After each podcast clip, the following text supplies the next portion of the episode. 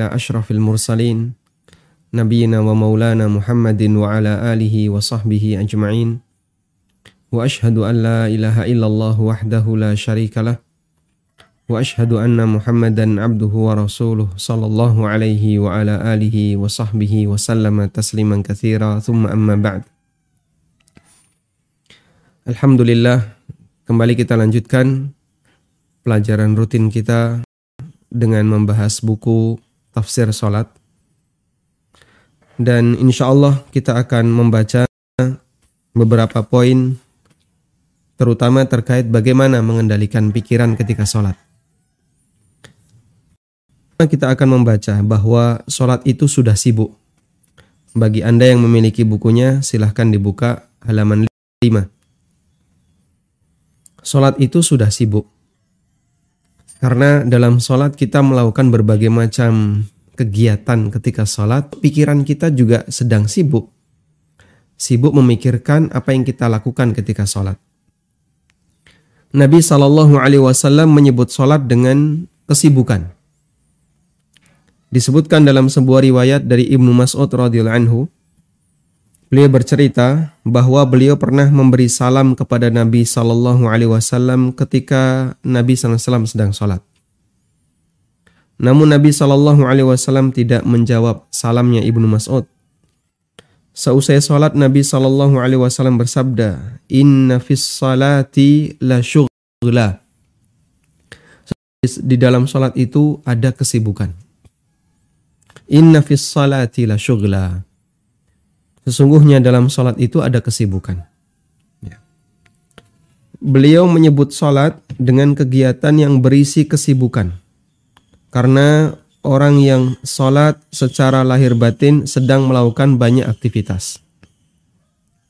Fisiknya fokus dengan gerakan tertentu. Sesungguhnya dalam sholat itu ada kesibukan. Ya. Beliau menyebut sholat dengan kegiatan yang berisi kesibukan karena orang yang sholat secara lahir batin sedang melakukan banyak aktivitas.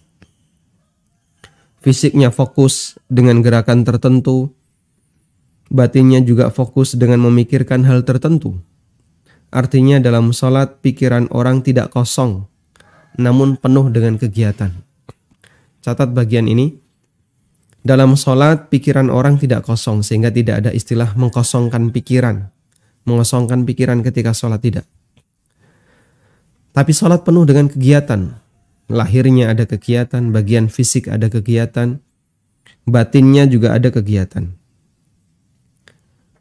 Dan secara prinsip, jika orang melakukan kesibukan tertentu, ya, maka dia akan melupakan kesibukan yang lain.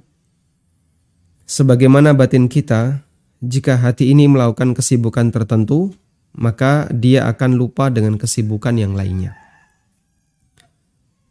Sehingga ketika Anda sedang sibuk misalnya fokus mengerjakan tugas atau lagi fokus membaca sesuatu yang penting, maka Anda ketika dipanggil orang lain, bahkan kadang dikasih salam orang lain, Anda tidak akan merespon karena Anda sedang fokus. Kita akan merasa terganggu ketika Anda sedang membaca WA atau berita atau Anda sedang nelpon, kemudian tiba-tiba ada orang yang mencolek Anda, lalu ngajak bicara, Anda akan menghindar dulu karena Anda sedang fokus dengan satu kegiatan tertentu. Maka demikian pula sholat. Sholat itu disebut oleh Nabi Shallallahu Alaihi Wasallam dengan kesibukan. Inna fis salati la. Sesungguhnya dalam sholat itu ada kesibukan. Karena semua dalam sholat kita sedang melakukan kegiatan lahir dan batin. Selanjutnya yang menjadi pertanyaan adalah, lalu apa yang perlu kita pikirkan ketika sholat? Apa yang perlu kita pikirkan ketika kita sedang sholat? Sementara berbicara dengan jiwa sendiri itu menghilangkan rasa khusyuk dalam sholat. Sebagaimana dalam pertemuan kemarin, kita telah menyampaikan Nabi Shallallahu Alaihi Wasallam menyebutkan bahwa di antara orang yang tidak khusyuk dalam sholatnya adalah yuhaddithu fihi ma nafsah. Dia berbicara dengan dirinya sendiri. Berbicara dengan dirinya sendiri artinya pikirannya melayang ke mana-mana. Dan kemarin kita kasih gambaran ya, sebagaimana orang dalam film itu kan kadang ada adegan orangnya diem, tapi kemudian tiba-tiba terdengar suara yang itu mewakili suara batin.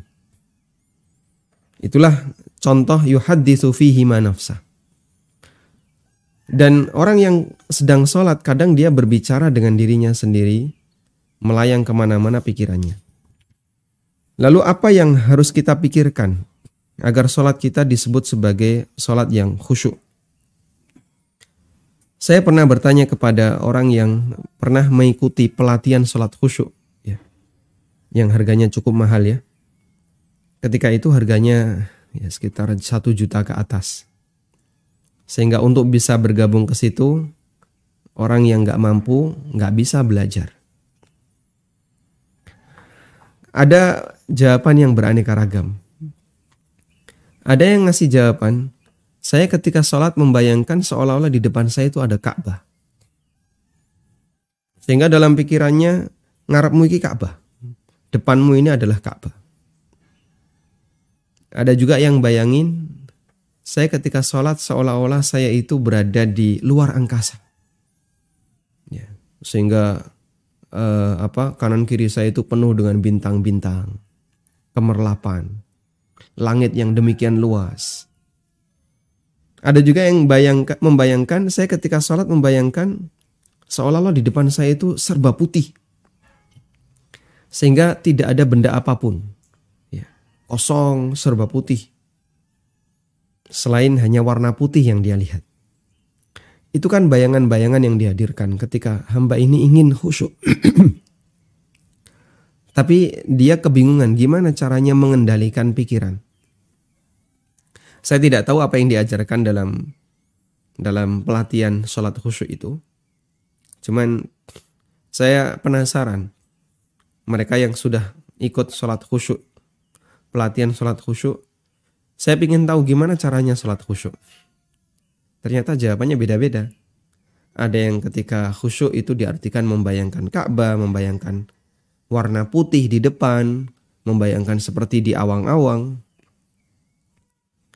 dan aneka bayangan-bayangan yang lainnya.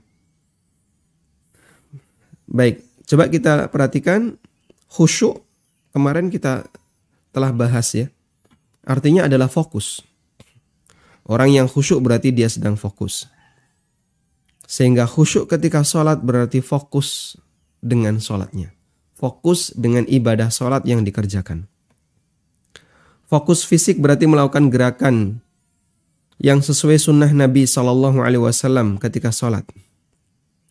Ketika anda diam dalam posisi sedekap, wajah menghadap kiblat, melihat ke arah tempat sujud, tidak banyak bergerak, berarti gerakan Anda telah fokus dan itulah khusyuk fisik. Kemarin sudah kita singgung. Sehingga khusyuk fisik itu memikirkan bagaimana caranya gerakan kita sesuai dengan sunnah Nabi SAW. Mulai dari takbiratul ikhram.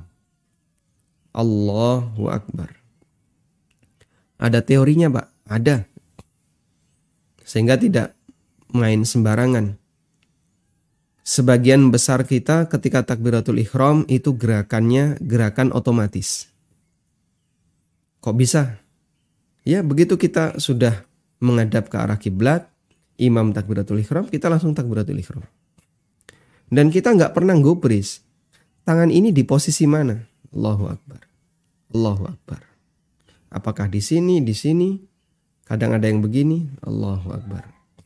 Kadang yang ada agak anu ya, agak hemat Allahu Akbar. Kebanyakan begini Allahu Akbar. Karena gerakan kita gerakan otomatis. Ada yang begini-begini. Allahu Akbar. Dan itu karena kebiasaan. Makanya perlu dikoreksi yang kayak gini ya. Lakukan evaluasi. Coba gimana gerakan Anda ketika sholat. Biasanya kalau habis pengajian sih agak sadar nanti lambat laun lambat laun mulai menurun kesadaran itu terus kembali seperti gerakan otomatis. Kadang kan ada yang angkat tangannya mantul-mantul. Allahu Akbar. Nah. Nanti kita akan bahas bagaimana cara mengangkat tangan yang benar. Intinya saat Anda melakukan gerakan yang sifatnya otomatis itu berarti sebenarnya Anda tidak khusyuk. Demikian pula ketika menaruh di uh, menaruh kedua tangan di dada. Ada yang di dada, ada yang di perut, ada yang di bawah pusar, ya. ada yang begini, ada yang di jantung ya, ada yang di organ liver, hati. Ini mana yang yang benar ini? Serong kanan atau serong kiri? Baik. Dan ketika kita tidak tahu bagaimana cara sholat sesuai sunnah, kita nggak bisa melakukan khusyuk fisik. Sementara fokus batin berarti fokus berarti batin itu fokus memikirkan isi sholat. Fokus batin artinya batin fokus memikirkan isi sholat. Apa itu konten sholat? Apa isi sholat? Konten sholat berarti unsur sholat. Dan itu ada dua, gerakan dan bacaan. Karena itu fokus terhadap isi sholat berarti fokus memikirkan gerakan dan bacaan dalam sholat. Nah ini yang mau kita kasih kesimpulan. Gimana sih khusyuk dalam sholat? Khusyuk dalam sholat adalah istighdarul qalbi. Menghadirkan hati untuk memikirkan gerakan dan bacaan ketika kita sedang sholat. Bukan malah mikir yang lain. Bukan malah mikir di luar angkasa, di depan ada kain warna putih, atau mikir di depannya ada Ka'bah. Betul Anda menghadap ke arah kiblat dengan harapan itu lurus tepat ke Ka'bah meskipun belum tentu ya. Karena kan jarak kita jauh sekali. Apalagi mikir, kadang ada orang mikir apa misalnya seolah-olah sholat di surga. Saya pernah dengar ada orang yang ya menyampaikan, saya itu merasa sangat tenang ketika saya sholat. Saya membayangkan seolah-olah saya sholat di tepi sungai, lalu ada suara gemercik air. Ya, suasana penuh dengan ketenangan, ada suara burung-burung. Ya, kayak sholat seperti di surga. Sehingga malah dia memikirkan yang lain. Merancang suasana ketika sedang sholat. Itu berarti memikirkan yang lain. Padahal yang namanya khusyuk itu bukan itu. Khusyuk adalah memikirkan sholat yang sedang dia kerjakan. Fokus dengan sholat yang dia kerjakan. Sekarang kita lihat. Fokus memikirkan gerakan sholat berarti memikirkan bagaimana agar kita bisa melakukan gerakan sholat yang sesuai sunnah. Bagaimana cara sedekap yang benar, bagaimana cara mengatur pandangan yang benar, bagaimana cara rukuk yang benar, bagaimana posisi di mana posisi tangan ketika sujud. Apakah di sini, di sini atau bagaimana? Bagaimana posisi duduk yang sesuai sunnah? Iktidal itu tangan sedekap ataukah dilepas? Karena itu seorang hamba dituntut untuk mempelajari tata cara sholat Nabi Shallallahu Alaihi Wasallam. Lalu sesuaikan gerakan dia dengan sholat dan gerakan atau dengan sholat dalam sesuaikan gerakan dia dalam sholat dengan gerakan yang dilakukan oleh Nabi Shallallahu Alaihi Wasallam. Sehingga dia mengamalkan perintah Rasulullah Sallallahu Alaihi Wasallam, wasallu kamaru aitumuni usalli. Kerjakanlah sholat sebagaimana kal kalian melihatku sholat. Lakukanlah sholat sebagaimana kalian melihatku sholat. Dan kita kan tidak pernah melihat Nabi Shallallahu Alaihi Wasallam sholat. Alhamdulillah, sahabat merekam, mereka merekam bagaimana gerakan-gerakan Nabi Shallallahu Alaihi Wasallam dalam sholat, bahkan sampai detail yang kecil-kecil itu mereka sampaikan. Tinggal pertanyaannya, kita mau belajar atau tidak? Sehingga sampai posisi jari, jari itu rapat atau renggang, posisi kaki, ketika sujud, kaki itu rapat atau renggang, bagaimana cara Nabi SAW mengisyaratkan jari telunjuk saat tasyahud, sampai posisinya itu mereka ceritakan. Ya, nanti kita akan bahas itu. Karena ada dua ada dua apa? Dua hadis, dua riwayat. Posisi satu dan posisi dua. Sehingga sangat detail mereka bercerita tentang bagaimana cara Nabi SAW. Anda ketika pelajari semuanya, seolah-olah melihat Nabi SAW sedang sholat. Sehingga hadis wasallu kama ra'aitumuni usalli. Yang ini disampaikan oleh Rasulullah SAW kepada Malik ibnul Huwairith radhiyallahu anhu. Ketika Malik ibnul Huwairith mau pulang meninggalkan Madinah, pamitan kepada Rasulullah Sallallahu Alaihi Wasallam, Nabi Sallallahu Alaihi Wasallam berpesan kalimat itu. Dan kemudian hadis ini menjadi hadis panduan tentang bagaimana cara sholat yang benar. Sehingga pada prinsipnya adalah jadikan gerakan sholat kita berdalil. Kamu ketika sedekap seperti itu dalilnya apa? Ada dalilnya. Waktu ngangkat tangan kok kayak gitu, dalilnya mana? Ada dalilnya. Sesuaikan dengan dalil, maka kita akan bisa khusyuk dalam sholat. Baik. Jadikan prinsip. Jadikan sholat kita berdalil. Karena kalau sholat itu berdalil, ada ya, ada sesuatu yang banget gitu ya, katanya. Ada rasa yang lebih dibandingkan sholat yang hanya sebatas kebiasaan. Karena umumnya kita sholat hanya sebatas mengikuti rutinitas yang dulu. Pak, kan udah hafal. Ya betul udah hafal. Cuman hafalan Anda sudah benar ataukah belum? Sehingga gerakan-gerakannya kebanyakan gerakan otomatis. Apalagi kita itu cenderung dalam sholat itu latah. Sampingnya kayak gitu, kita kadang ikut kayak gitu. Teman-teman yang baru ngaji misalnya, baru hijrah dia kadang ketika sholat masuk ke masjid. Setelah masuk masjid ini nanti akan ada kajian Ustadz A, Ustadz B. Dia perhatikan kanan kirinya. Oh itu sholatnya kayak gitu, yang itu itu. Terus dia tiru-tiru. Padahal dia nggak ngerti. Kenapa itu seperti ini, yang itu seperti ini. Dia nggak ngerti.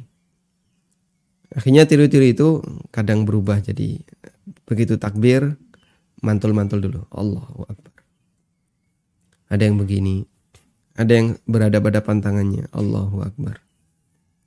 Nah.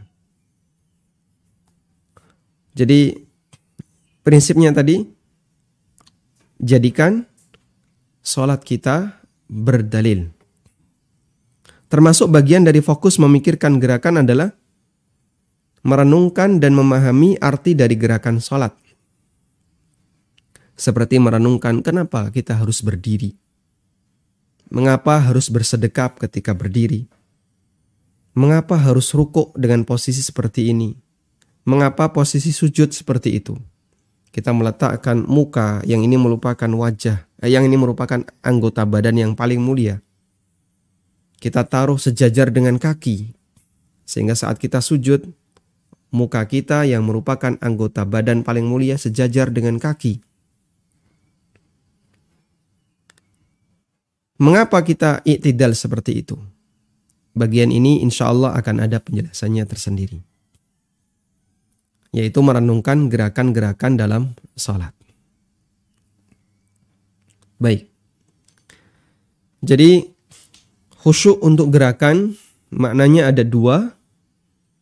Pertama adalah memikirkan bagaimana agar kita melakukan gerakan sesuai sunnah Nabi Shallallahu Alaihi Wasallam.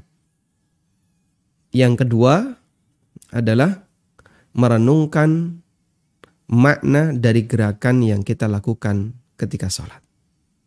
Dan ulama rahimahumullah menjelaskan itu. Sehingga kita tinggal tiru bagaimana penjelasan mereka, kita pikirkan penjelasan mereka itu. Nanti insya Allah akan kita bahas. Selanjutnya adalah memikirkan bacaan dalam sholat.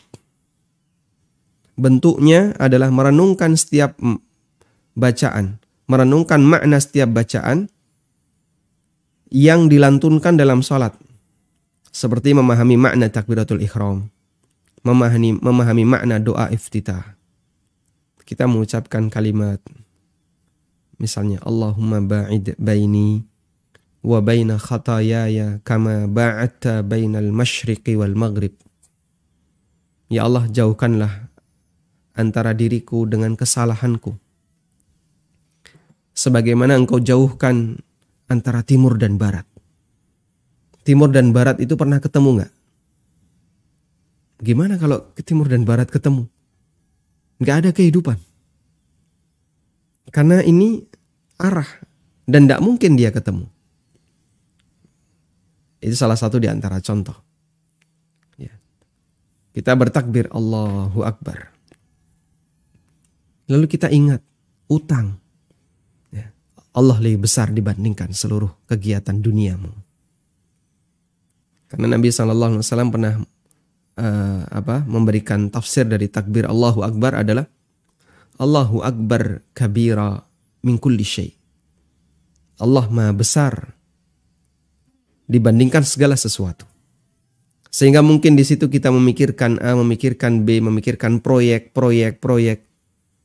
Begitu kita takbir, maka sudah selayaknya kita lupakan itu semuanya. Allah lebih besar dibandingkan itu semua. Dan itulah salah satu di antara bentuk memikirkan makna bacaan ketika sholat. Merenungi bacaan Al-Fatihah. Termasuk ketika imam membaca surat. Lalu kita renungkan kalimat demi kalimat yang dibaca oleh imam. Masya Allah Pak. Itu kami nggak paham bahasa Arab. Ya memang fokus di bagian kedua ini lebih rumit untuk dilakukan karena orang yang sholat harus memahami bahasa Arab dan mampu memahami maknanya. Dan itulah yang menjadi latar belakang buku ini kami tulis. Sehingga saya ketika menyampaikan ini dalam beberapa kajian, ya keluhan mereka gimana saya bisa paham doa iftitah, doa ketika sujud, ruko, iktidal. Kita nggak paham bahasa Arab. Sementara nggak ada pembahasan itu dan itu yang memberikan menjadikan latar belakang saya untuk menulis buku ini. Berarti perlu ada satu penjelasan khusus isinya tentang doa-doa dalam sholat dan tafsirnya. Renungan yang bisa kita kita pahami dari kalimat-kalimat itu. Sehingga ketika kita sholat, kita bisa memahami makna dari setiap bacaan yang kita ucapkan. Cuman mohon maaf, untuk bacaan imam nggak ada di buku ini ya. Karena kalau bacaan imam saya masukkan buku ini nanti jadinya buku tafsir. Sehingga imam misalnya membaca surat Al-Falak, Pak di sini nggak nggak ada tuh penjelasan surat Al-Falak. Ya kalau saya turuti imam baca apa baca apa nanti buku ini jadinya buku tafsir. Sehingga untuk bacaan Qur'annya kita kembalikan ke buku-buku tafsir. Anda bisa baca kitab-kitab tafsir. Alhamdulillah uh, Al-Ustadz Dr. Piranda sudah uh, banyak menulis tafsir sudah sampai juz berapa? Ya, juz 29 sudah selesai sudah terbit ya. 2 28 sudah. Ada juz amma, ada juz 29, ada juz mungkin sudah juz 28 sudah terbit. Sehingga itu mungkin bisa jadi alat bantu bagi kita. Ketika kita memilih beberapa surat pendek baik di juz amma atau di juz 29 Anda sudah pernah baca tafsirnya. Ngefek itu Pak. Ngefek. Ternyata sholat kita ada sesuatu ketika kita membaca surat-surat yang sudah pernah kita ketahui tafsirnya. Termasuk ketika kita mendengar imam membaca imam membaca misalnya surat Al-Ikhlas. Saya pernah mendengar tafsir surat Al-Ikhlas. Makna kul wallahu ahad seperti ini. Makna Allahus somad seperti ini. Sehingga timbul ada respon batin dengan apa yang kita dengar. Dan itulah khusyuk terkait bacaan dalam sholat. Baik, fokus atau kembali kepada memikirkan bacaan sholat. Bagian inilah yang akan kita jabarkan lebih banyak sehingga sangat membantu seorang hamba untuk menyibukkan dirinya agar dia memikirkan setiap bacaan dalam sholatnya. Sehingga pikirannya nggak kosong. Tapi pikirannya memikirkan sesuatu. Nah ketika seseorang atau seorang hamba fokus memikirkan dua hal ini berarti sang hamba telah fokus memikirkan isi sholatnya. Dan itulah jatah khusyuknya dalam sholat. Kalau ini bisa 100% Masya Allah. Luar biasa. Anugerah besar. Tapi biasanya yang kayak gini nggak bisa tahan lama Pak. Di depan fokus, nanti pikiran lepas, entah mikir ke mana. Kadang kita teringat-teringat sesuatu yang tidak kita ingat sebelumnya. Melayang, balik lagi, melayang, balik lagi. Dan itulah perjuangan yang harus kita lakukan agar sholat kita bisa menjadi kafarah dari dosa-dosa yang pernah kita kerjakan. Baik. Selanjutnya kita akan membahas tentang lima catatan tentang khusyuk dalam sholat. Untuk mengenal lebih dalam mengenai khusyuk dalam sholat, berikut kami sajikan lima catatan tentang khusyuk dalam sholat. Pertama, tentang hukum khusyuk. Dalam Al-Quran Allah banyak memuji orang yang khusyuk ketika sholat. Di antaranya surat Al-Mu'minun ayat 1 dan 2 Allah berfirman. Qad aflahal mu'minun alladzina hum fi salatihim khashi'un. Sungguh telah berbahagia, telah beruntung. Sungguh beruntung orang-orang yang beriman yaitu orang-orang yang mereka khusyuk dalam sholatnya. Dan para ulama mengatakan, apabila Allah menyebutkan balasan, lalu setelah itu Allah menyebutkan sebab kenapa orang ini bisa mendapatkan balasan itu.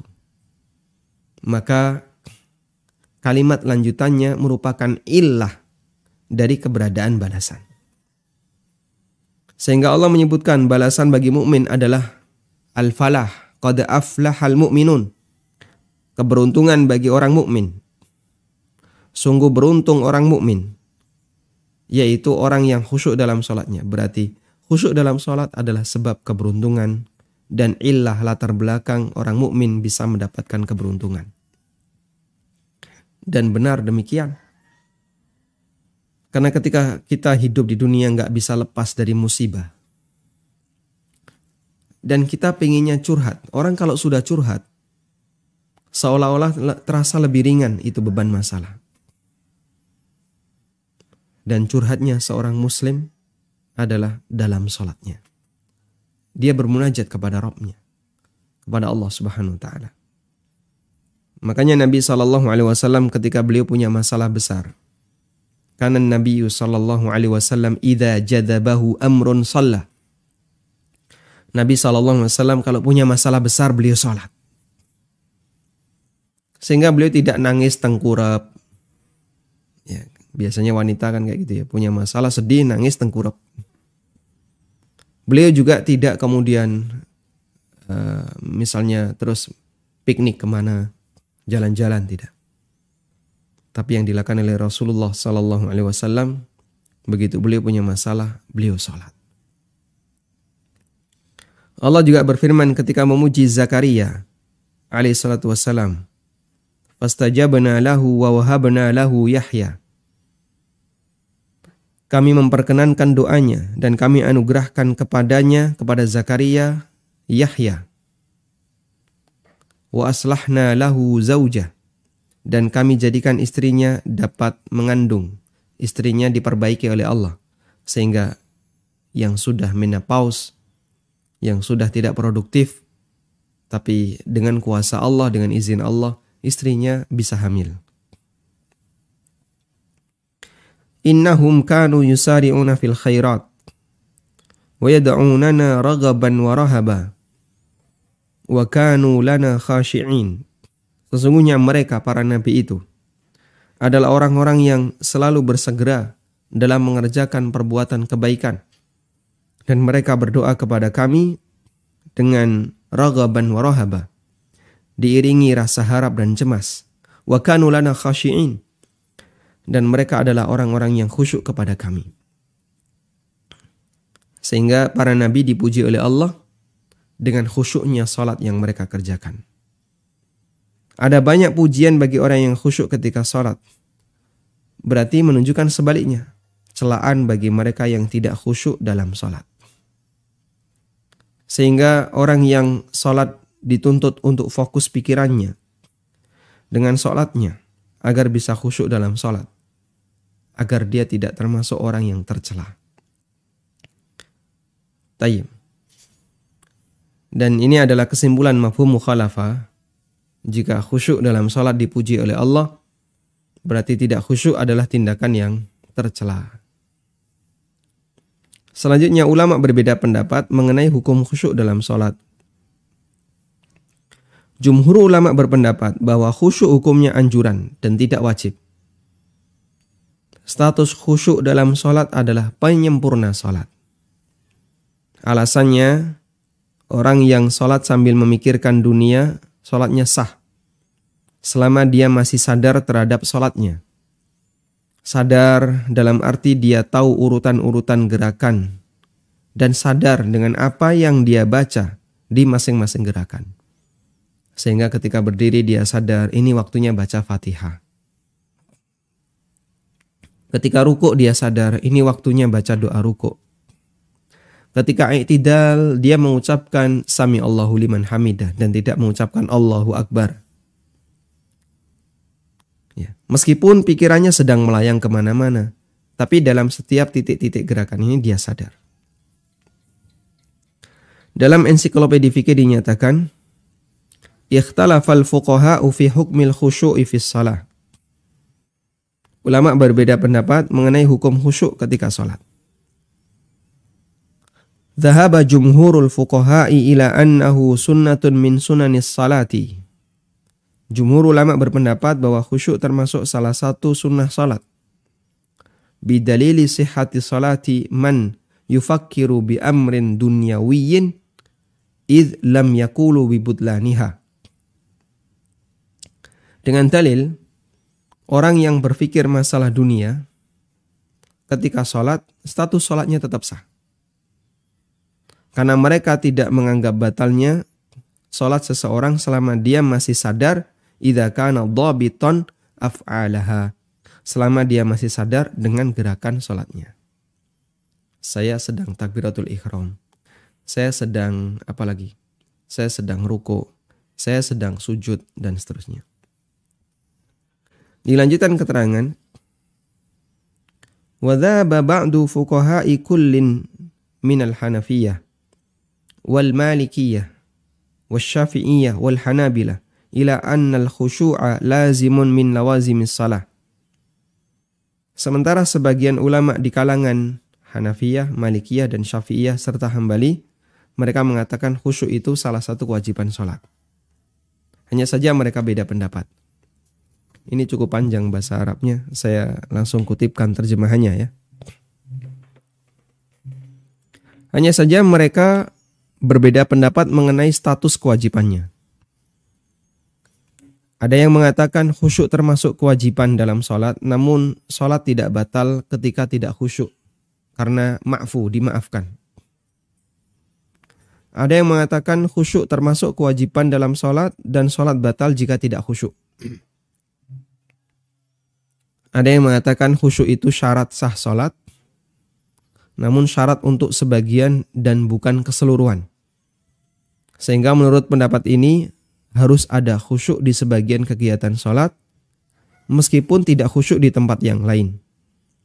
Sebagian ulama yang mengambil pendapat ini mereka menentukan bagian sholat mana yang ha yang harus khusyuk. Mereka mengatakan selayaknya khusyuk dilakukan ketika takbiratul ikhram. Baik. Nah. Dan pendapat yang benar kita coba lihat tarjihnya. Ya. Pendapat yang benar bahwa orang yang tidak khusyuk sholatnya tetap sah, hanya saja tidak ada pahalanya. Terdapat beberapa dalil yang menunjukkan bahwa dalam sholat terkadang orang memikirkan sesuatu di luar sholat dan statusnya sholatnya sah. Di antaranya hadis dari Jabir bin Abdullah radhiyallahu anhu beliau bercerita Ishtaka Rasulullah sallallahu alaihi wasallam Fasallaina wara'ahu wa huwa qa'idun wa Abu Bakrin yusmi'un nasa takbirahu. Rasulullah sallallahu alaihi wasallam sakit dan kami sholat di belakang beliau. Wa huwa qa'idun. Beliau sholat dengan duduk. Wa Abu Bakrin yusmi'un nasa takbirahu. Sementara Abu Bakar, beliau mengeraskan bacaan takbir beliau agar didengar semua jamaah. Faltafata ilaina faro'ana kiaman. Tiba-tiba beliau menoleh ke arah kami dan beliau melihat kami sholat dalam posisi berdiri. Dan ini sholat sudah dimulai ya. Karena sahabat sedang sholat dalam posisi berdiri. Fa'asyara ilaina qa'adna fa'asyara ilaina faqa'adna. Kemudian beliau berisyarat ke arah kami agar kami duduk. Lalu kami pun duduk. Fasallaina bisolatihi qu'udan. Lalu kami uh, salat sambil duduk ya. Menjadi makmum sambil duduk mengikuti Nabi SAW. Hadis riwayat Muslim. Jadi Nabi SAW ketika sedang sholat dalam posisi duduk, beliau teringat sahabatnya ini sholat sambil posisi berdiri. Mungkin bukan menoleh ke belakang, tapi beliau melihat ke arah nyamping. Kok mereka duduk, eh, mereka berdiri. Akhirnya Nabi SAW berisyarat dengan tangannya. Ya. Gimana? Diminta untuk duduk, duduk. Ya. Agar mereka duduk. Akhirnya para sahabat semuanya duduk. Tayyip. Nabi Shallallahu Alaihi Wasallam berisyarat ketika sholat menunjukkan bahwa ada bagian dari sholat beliau yang tidak khusyuk. Selanjutnya, hadis yang kedua dari Sahal bin Handalah radhiyallahu anhu. Beliau bercerita ketika peristiwa sebelum perang Hunain. Beliau bercerita salah satu cuplikan sejarah sebelum kejadian perang Hunain bahwa Nabi Shallallahu Alaihi Wasallam mengutus seseorang untuk berjaga malam di sebuah lembah memperhatikan keadaan sasaran. Menjelang subuh Nabi Shallallahu Alaihi Wasallam selalu bertanya, adakah perkembangan informasi dari penjaga malam? Sampai akhirnya dikumandangkan iqamah sholat subuh. Sahal bin Handalah radhiyallahu anhu menegaskan, "Faja'ala Rasulullah sallallahu alaihi wasallam yusalli wa huwa yaltafitu ila syi'bi hatta idza qada salatahu wasallama. Nabi Shallallahu Alaihi Wasallam mengerjakan sholat, wahwa yaltafitu ila syi'b.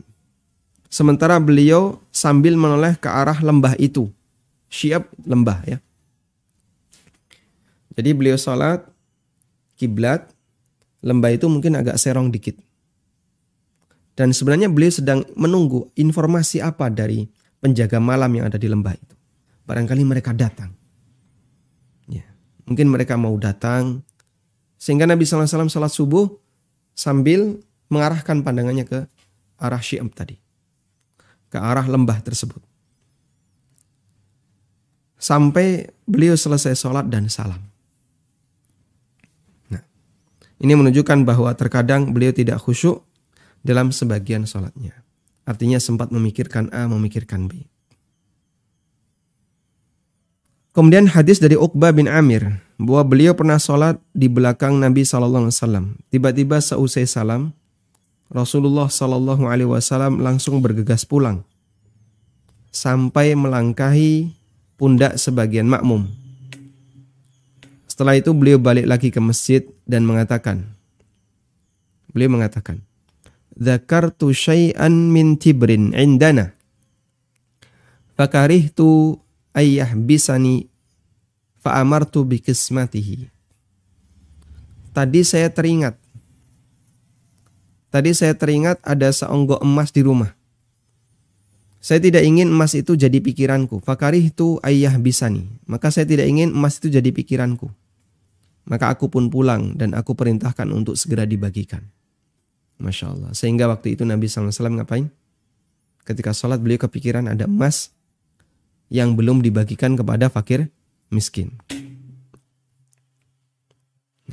Beliau kepikiran emas itu sejak beliau masih sholat, sehingga sholat tidak batal disebabkan amal hati.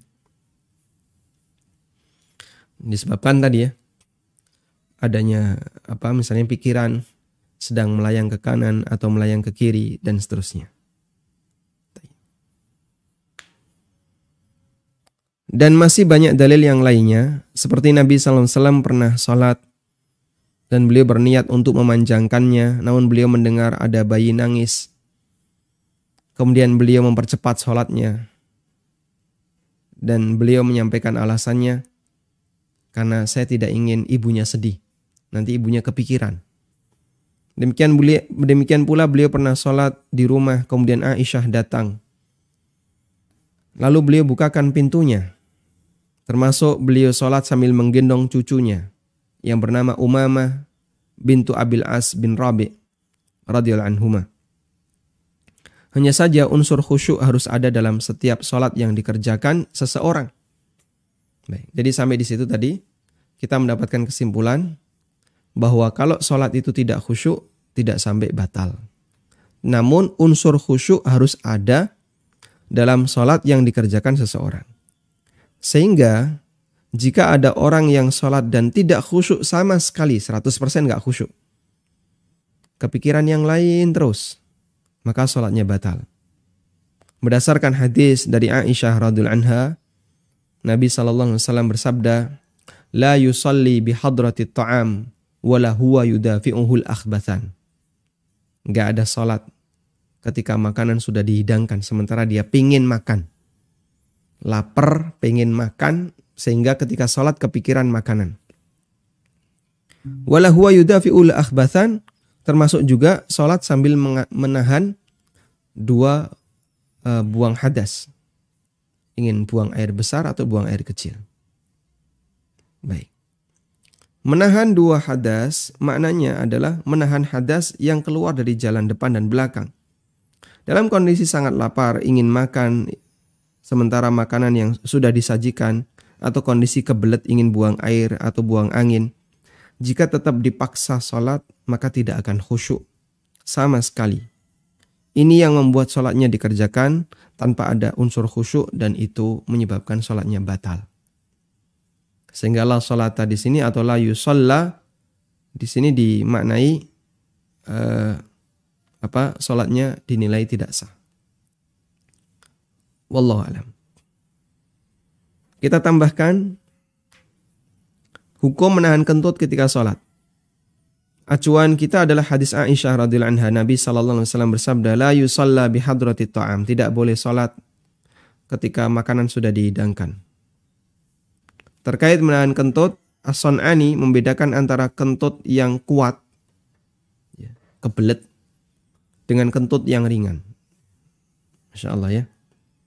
Jadi dalam fikih ada pembahasan kentut dibagi dua gitu ya. Kentut kuat dan kentut ringan.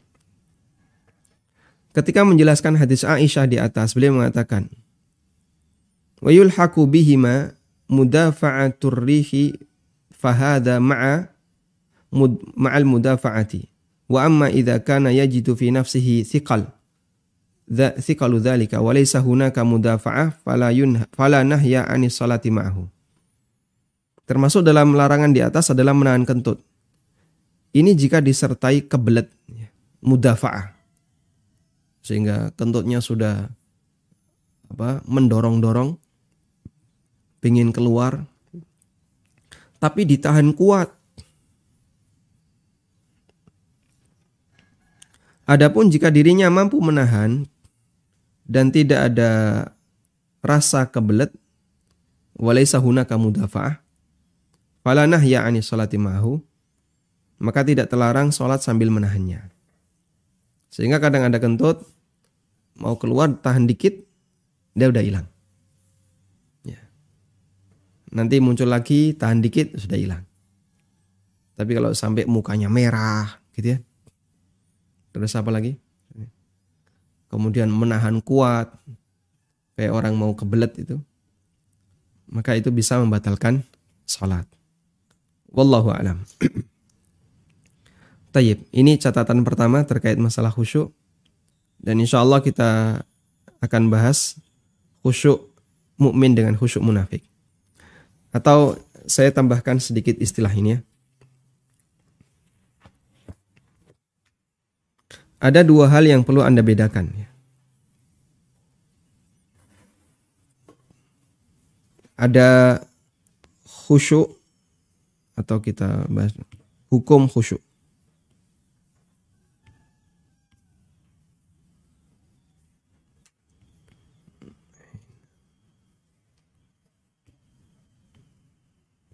Hukum khusyuk tadi ya.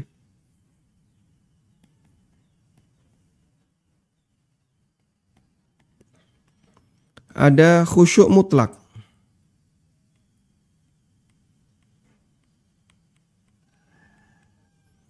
ada mutlakul khusyuk.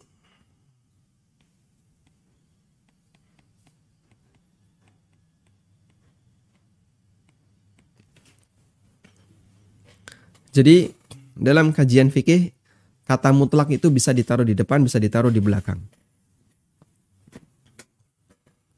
Saya kasih perbandingannya ya. Ada istilah al-ma'ul mutlak. air mutlak. Air mutlak itu ya air. Air bening itu ya. Ada istilah mutlakul ma. Mutlakul ma. Kalau mutlakul ma zat cair. Sehingga al-ma'ul mutlak pasti mutlakul ma. Mutlakul ma belum tentu al-ma'ul mutlak begitu ya. Maka disebut mutlak itu jika statusnya 100%. Disebut mutlak jika statusnya 100%. Di sini kan statusnya 100% air. Kalau mutlakul ma, ya dia belum tentu air. Ada airnya tapi campur dengan yang lain.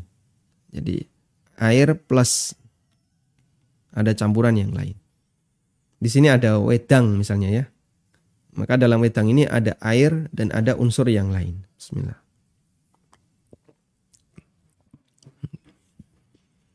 Maka wedang ini disebut dengan mutlakul ma. Alhamdulillah. Baik, khusyuk juga seperti itu. Khusyuk mutlak itu khusyuk 100%. 100% khusyuk. mutlakul khusyuk itu berarti khusyuk khusyuk tapi kurang. Khusyuk tapi kurang. Berapa persen? Ya, wallahu alam tergantung orangnya.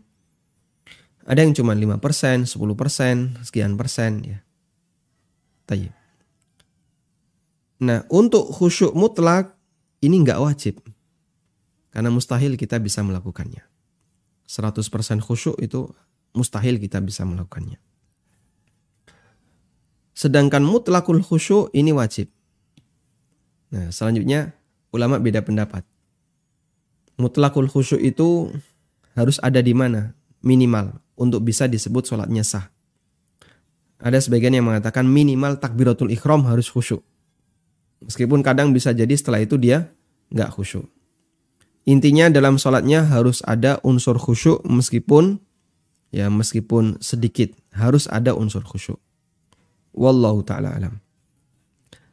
Baik demikian yang bisa kita bahas, semoga bermanfaat. Wassalamualaikum ala Muhammadin wa ala alihi wa sahbihi wasallam wa akhiru da'wana alhamdulillahi rabbil alamin.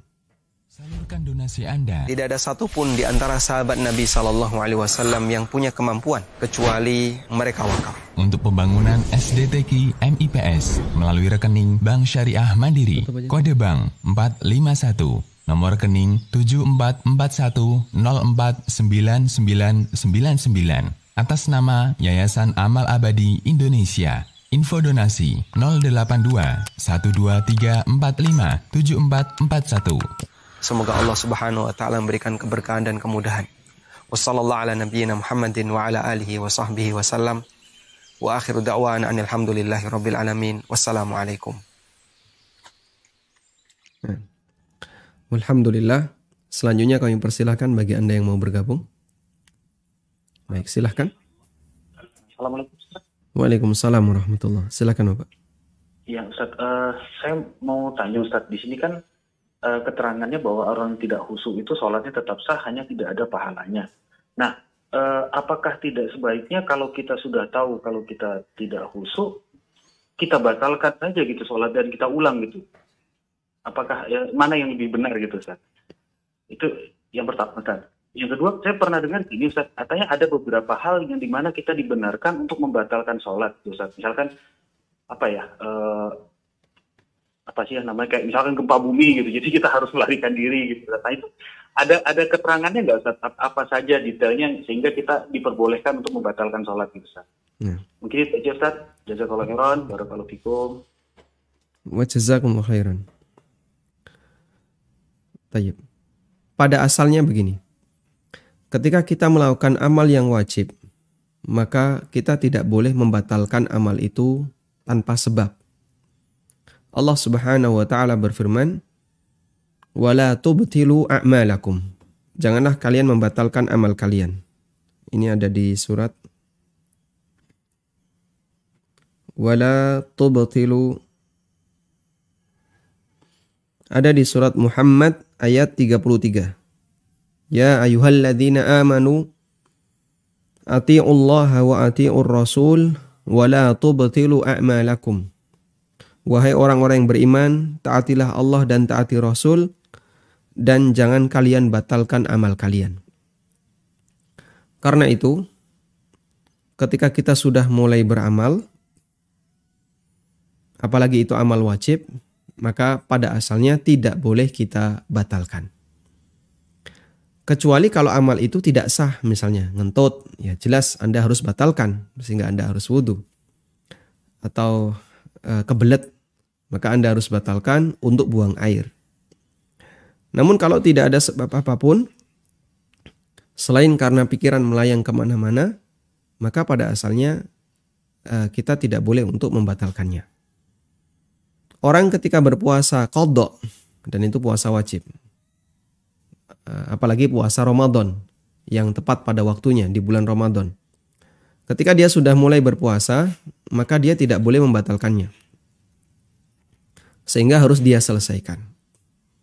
Haji dan umroh juga demikian. Ketika orang sudah memulai berangkat ikhram, maka tidak boleh dia putus, harus dia selesaikan.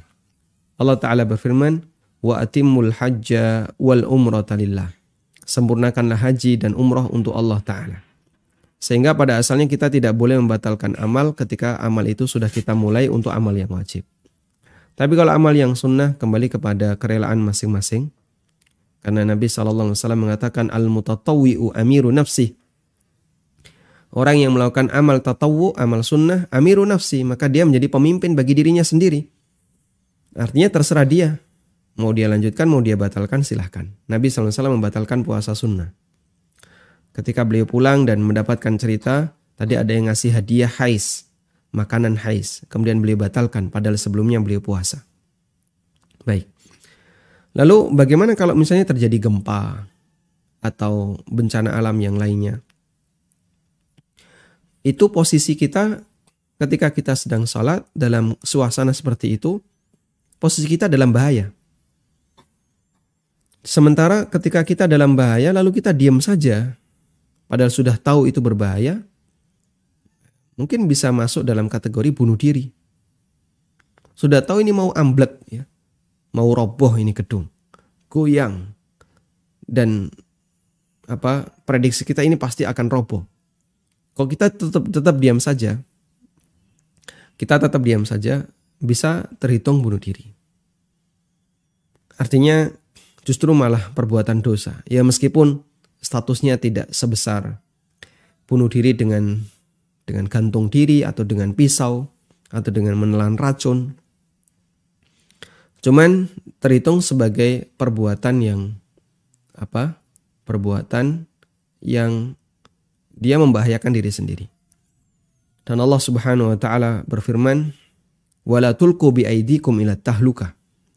Jangan janganlah kalian menjerumuskan diri kalian kepada kebinasaan. Kalau ini membinasakan diri sendiri, hindari. Para ulama juga menyebutkan orang yang berpuasa lalu dia sakit. Dan menurut perhitungan dia, kalau ini tetap saya lanjutkan berpuasa, bisa jadi saya mati. Orang sakit berpuasa dan tetap dilanjutkan, mungkin bisa jadi akan mengancam nyawanya. Maka terlarang bagi dia untuk melanjutkan puasa, wajib untuk dibatalkan. Kalau dia lanjut puasa, bisa berdosa disebabkan karena dia menjerumuskan dirinya dalam kebinasaan. Dan itu yang bisa kita jadikan sebagai alasan. Kalau misalnya ada orang sedang sholat, tiba-tiba ada harimau mau menerkam, ya Anda harus lari, menyelamatkan diri. Atau ada bahaya yang lain yang mengancam, Anda harus menghindar menyelamatkan diri. Tidak boleh tetap diam. Wallahu a'lam. Silahkan. Assalamualaikum Ustaz. Waalaikumsalam warahmatullahi Kami ingin bertanya, uh, jika misal uh, saya ingin bekerja sama mengenai apa uh, mengurus sapi, saya misalkan ke modal dan saya meminta si uh, si B untuk mengurusinya karena si B ini punya kandang dan uh, beliau yang mengurusi kam, apa uh, sapi tersebut memberi makan setiap hari gitu kan nanti jadinya bagi hasil. Saya misalnya keluar modal contoh 10 juta dan si B ini itu mengeluarkan semua apa semua kebutuhan sapi tersebut. Nah, kodarullah e, misal sapi tersebut mati, nah e, hukumnya bagaimana? E, kan disebutkan bahwa jika misalnya kita kerja sama itu harus bagi untung dan bagi rugi ya. Nah, apakah saya bisa harus meminta uh, si B ini untuk uh, mengganti rugi. Contoh saya sudah mengeluarkan modal 10 juta dan si B misalkan sudah mengurusi dan uh, pengurusan semua sapi itu contoh misal 5 juta berarti kan uh, apa namanya uh, kita bagi gitu kan kerugiannya gitu. Apakah dia harus mengembalikan ke kita untuk kerugiannya atau misalkan memang ya sudah dia uh, uh, apa namanya tidak mengeluarkan apa-apa gitu kan karena dia juga sudah mengeluarkan uh, effort mengeluarkan biaya untuk memberikan makan sapi tersebut. Itu sih Ustadz yang saya tanyakan. Dan yang kedua uh, saya mau tanya saya punya kebiasaan jika mau Ramadan itu kan menghias rumah untuk membangkitkan apa semangat anak-anak di rumah gitu kan. Apakah diperbolehkan? Misal saya uh, menggantung-gantung lampu hias di luar rumah gitu kan dengan uh, apa namanya tulisan-tulisan yang toyib uh, dengan lampu-lampu yang uh, apa menyala-nyala. Apakah itu termasuk uh, apa ikut-ikutan seperti orang apa orang yang contoh Natalan kan banyak tuh yang menggunakan lampu-lampu gitu kan. Apakah diperbolehkan atau tidak? Itu aja Ustadz yang mau saya tanyakan. Syukron jazakallah. Ya. Baik, uh, dalam usaha kerjasama, baik bentuknya mudorobah maupun musyarakah, kita diajarkan rumus keseimbangan bahwa peluang untung harus seimbang dengan resiko rugi. Dalam arti, siapa yang ingin mendapatkan keuntungan, maka dia harus siap dengan resiko kerugian. Sehingga kalau orang ingin untung tapi dia nggak mau rugi, maka seperti ini tidak bisa diterapkan dalam kegiatan musyarakah atau mudorobah. Selanjutnya, bagaimana cara dan teknis pembagian keuntungan dan teknis pembagian kerugian. Kalau untung, maka di situ ada bagi hasil begitu ya. Nah, bagi hasil dia kembali kepada kesepakatan. Kembali kepada kesepakatan. Sudah? Sehingga masalah angkanya, masalah angkanya apakah 50%, 50% ataukah angka yang lain n persen n persen itu kembali kepada kesepakatan. Lalu untuk resiko rugi bagaimana? Jika terjadi rugi, maka kan berarti ada bagi rugi. Bagi rugi itu bukan pakai prosentase bagi untung. Sehingga nanti kalau rugi kita 50% 50% ya, bukan seperti itu. Rugi itu dihitung berdasarkan dihitung berdasarkan apa yang sudah kau keluarkan. Oh, saya mengeluarkan ini. Yang ini mengeluarkan ini. Ya sudah, yang kau keluarkan dan sudah habis nggak balik gitu aja. Itu teori rugi. Apa yang sudah kita keluarkan ternyata dia habis, maka Anda harus merelakan itu nggak balik. Itulah bagi rugi. Sehingga kalau tadi Anda uh, sebagai pemodal misalnya mengeluarkan uang 10 juta ya. Lalu mudorib pengelola dia menyediakan kandang. Kandang ini kan ada lahan. Anda nggak perlu sewa lahan kandangnya. Plus tenaga. Dia sudah merawat selama beberapa waktu. Sapinya mati. Sapi mati. Terus gimana? Sapi mati ini apa yang bisa dimanfaatin? Tidak ada pak, bangkai tidak boleh dijual. Baik, berarti nggak berubah jadi uang speser pun. Ini boleh disamak kulitnya, cuman nanti kulitnya nggak boleh dijual ya, sehingga untuk kepentingan pribadi. Tapi kadang mungkin mungkin ada akan kerepotan buat apa kulitnya sudahlah, buang semuanya aja. Lalu dibuang semuanya ya. Ketika dibuang semuanya, ini kan hilang. Ini hilang. Pengelola kehilangan tenaga. Kandangnya utuh.